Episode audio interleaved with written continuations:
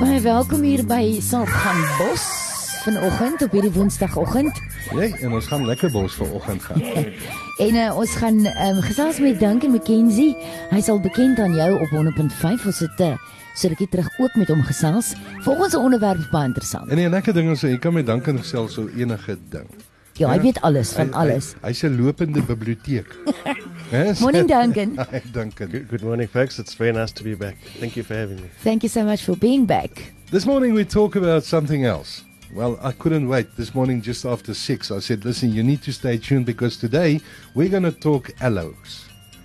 And aloes in the Lowveld, especially. So I think we should start because there's a couple of questions. What, what is the significance of the aloe plant in its natural uh, ecosystem? Okay. Um, if anybody's been to, let's say, Kaapse in the last week or two, would have noticed the incredible display of, of aloes um, on those little walks around the mm. village.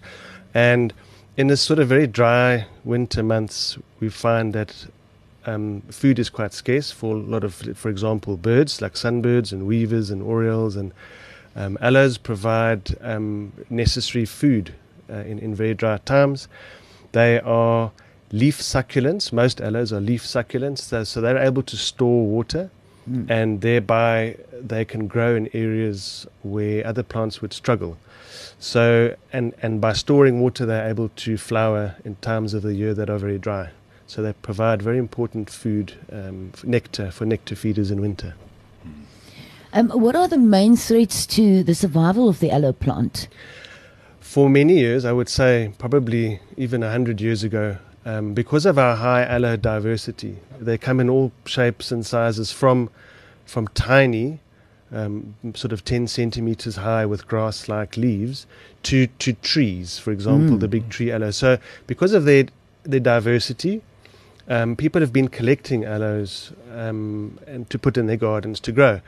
And it's almost like a, a collectible, like a cycad almost. Mm. Mm. And unfortunately, that has put tremendous strain on some of the aloes that we have, but also um, monocultures, afforestation has contributed to the decline of some of our aloes. So, so there are actually aloes in our um, immediate sort of where we're staying that, that are endangered. Is that correct? Yeah, correct. Um, in particular, between Nelspruit and Sabie, there's a particular aloe called Aloe simii or Sims aloe, and unfortunately it's now only known from a handful of localities. Sure. Um, the type locality, in other words, where it was discovered, was in Brondal. It's the okay. first place it was ever discovered, and unfortunately, the plants are no longer at the type locality. So that's just one of, of many of our aloes that are on what we call the red data list, the mm. list of mm. threatened mm. or near threatened plant species. Mm. So le- let me just get this straight. You know, if if we're staying in the Lowveld, we're thinking aloes is um, something that grows everywhere. You see them everywhere. Everybody knows you can literally um, take a piece of an aloe and put it in the ground somewhere else, and it'll probably grow. Or take out aloe plants, like you've just mentioned, to sort of uh, further your own garden at home.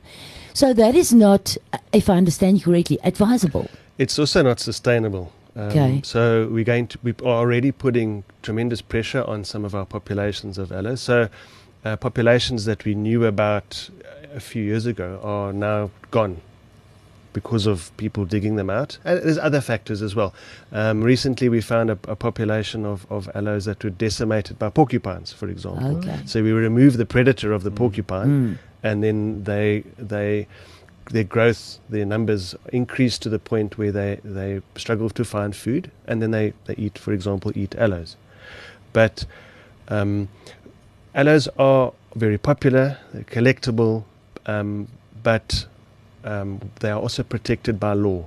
In Mpumalanga, all aloes are protected, and in Limpopo province, um, most aloes are protected. So it's actually illegal to, to remove aloes from, from the natural vegetation. You, are not allowed. You're not because allowed. you know they sorry Gerard, they, they also make their own little babies, obviously. Okay, mm. so then you would think, oh, taking two or three of the babies, there's so many, and taking them home, it's illegal. You're not it, allowed. It, it's illegal um, and unsustainable. Okay. So there are a lot of localities where are, are well known for certain aloes, and if everybody goes there and picks one little Mm. one, then Mhm. there won't be any left. So you disturb the natural habitat of it. I mean, by taking it out, uh, Yeah. it's like, hey, Yeah, yeah. It puts a lot of pressure on them, and you'll find a lot of our aloe species are on the on the red list. Not only because of collectors, um, as I said, um, habitat transformation is also Mm. a, a big problem. talking about different species of aloes, there are different variants of aloes and, and different. I- i- It's such a it's such a lovely controversial topic. Is aloe taxonomy? You know, which species? And, and if you ask now, how many species of aloe are there in the world? The answer would be depends on who you ask, because Okay. various Ah, okay. various authors, uh, various taxonomists um, apply various principles to, to differentiating between aloes. But i- there are probably between 550 and 650 species What? in the world, and they range from Cape Point all the way up through Africa, Madagascar, and then up to the Middle East, um, especially Arabia. Um, and the highest diversity of aloes in the world, the, the highest concentration, highest density of aloe species is here between um, in Nelspruit and, for example, um, Steelpoort, Burgersfort. It's the highest What? density of species. There's about probably about 80 species just in this in that particular geographical region. So, and in the whole of Mpumba- Mpumalanga and Limpopo, you're probably looking at a, probably about 100 species. So a lot of, of And, uh, diversity. And uh, obviously, uh, traditional medicinal uses associated with the aloes uh, also is a threat. For, um, not really. If, if you look at the species that are being used, um, it's aloe vera, which is the most Mm. famous aloe, which Mm. is the one used in lotions and potions and That's things like it, that. yeah. Um, I think it's been cultivated for so long, I don't even think people know where it originally came from anymore. Mm. Um, but that's widely cu- cultivated in, in horticulture, but also commercially, commercial production of, Yeah. of aloe vera. We've got two other aloes that are used widely in eastern South Africa. The one is the bitter aloe, aloe ferox, which is mostly in the Eastern Cape, and that the leaves are cut, uh, placed in a in a circle. The the sap is drained, and the the sap is then it forms crystals, and that's boxed and sold commercially. Okay. But that's sustainable Mm. um, Mm. because you're only cutting the leaves, you're not cutting the Mm. crown, so the leaves Mm. regrow. And that bitter aloe, those crystals are used for uh, various It's ailments. like a black, blackish. It's a very uh, dark colour. Mm. cr- Dark crystallized sap.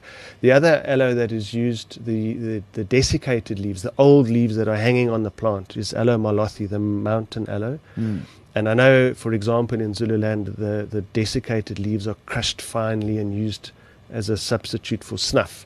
Oh, Um, okay. But so, and those two aloes, ferox and marlothii, are abundant. They they really Mm. are. They occur in very big numbers, and and they are harvested sustainably. Mm. Um, just before we move on to to the other questions, I just want to ask something fr- from a point of, of somebody just not knowing and wondering, and I'm sure there's lots of other people. Um, if you have aloes in your garden, how much? But is there a difference? Do some aloes need more water than others, or can you just basically leave all of them And the for soil. whenever it rains? And, and what type of soil does it like? Yes, yes. Despite the fact that they are succulents, Mm. um, they have various differing requirements. So some aloes grow in in, in cracks in rocks on Mm, cliffs, for mm. example, uh, where the soil moisture content is quite high all year round, and you've got lots of mist. So those particular kinds of aloes don't do well in a, in a horticultural environment. okay. Um, where some aloes, for example, the mountain aloe, the one, the tall aloe that we see if you drive up in the Schoemanskloof, there's tens of thousands of them. Mm. That's incredibly hardy and, and can be Mm. grown in, a- in, a, in a garden environment. As we mentioned, the, the benefit of growing aloes in your garden is that uh, they are water-wise plants Mm. and in normal circumstances would not require any additional watering other than the rainfall that Mm. we receive. Um, it's the sourcing of the aloes for your garden. So I would uh, suggest, strongly suggest, is that we either propagate aloes at home. For example, many aloes like aloe chabaudii, which is a common Lowveld aloe, make suckers. And you can split those suckers uh, mm. forever, basically, Mm. and, and give your friend 10 Mm. and, and next year give another friend 10 Mm, and so mm. spread them or buy them from, from sort of ethically sourced nurseries where they're actually growing them from seed or purchasing them from nurseries that are growing them from seeds or cuttings, for example. Okay. all I think uh, Kirstenbosch Botanical Gardens got a section for succulents, which also include aloes. They've got that conservatory, Yes. which is just mind blowing. I just love going in there. Um, and they've got succulents there from, from all over southern Africa, including Namibia. So Namibia's got uh, several very rare aloes that are desert adapted. And yeah, growing a desert adapted plant in an Nelspruit garden is not Yeah. going to work. Um, even if you're able to source them ethically, for example, from seed, you'd need cover. You'd need to build a roof or something over them to prevent them from rotting. They do rot. Yep. Yep. Very interesting. Tell me, what uh, is there any any research projects ongoing at the moment um, concerning aloes in the Lowveld?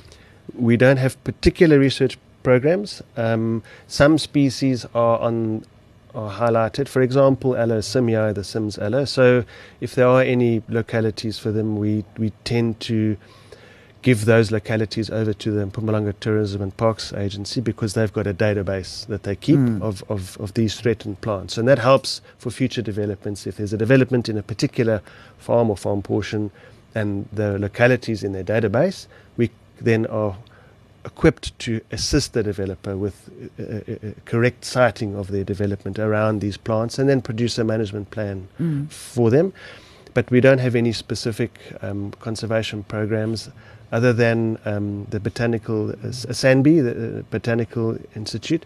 They have an ongoing assessment of, of all plants, including aloes, including their red data, cons- their, their conservation status.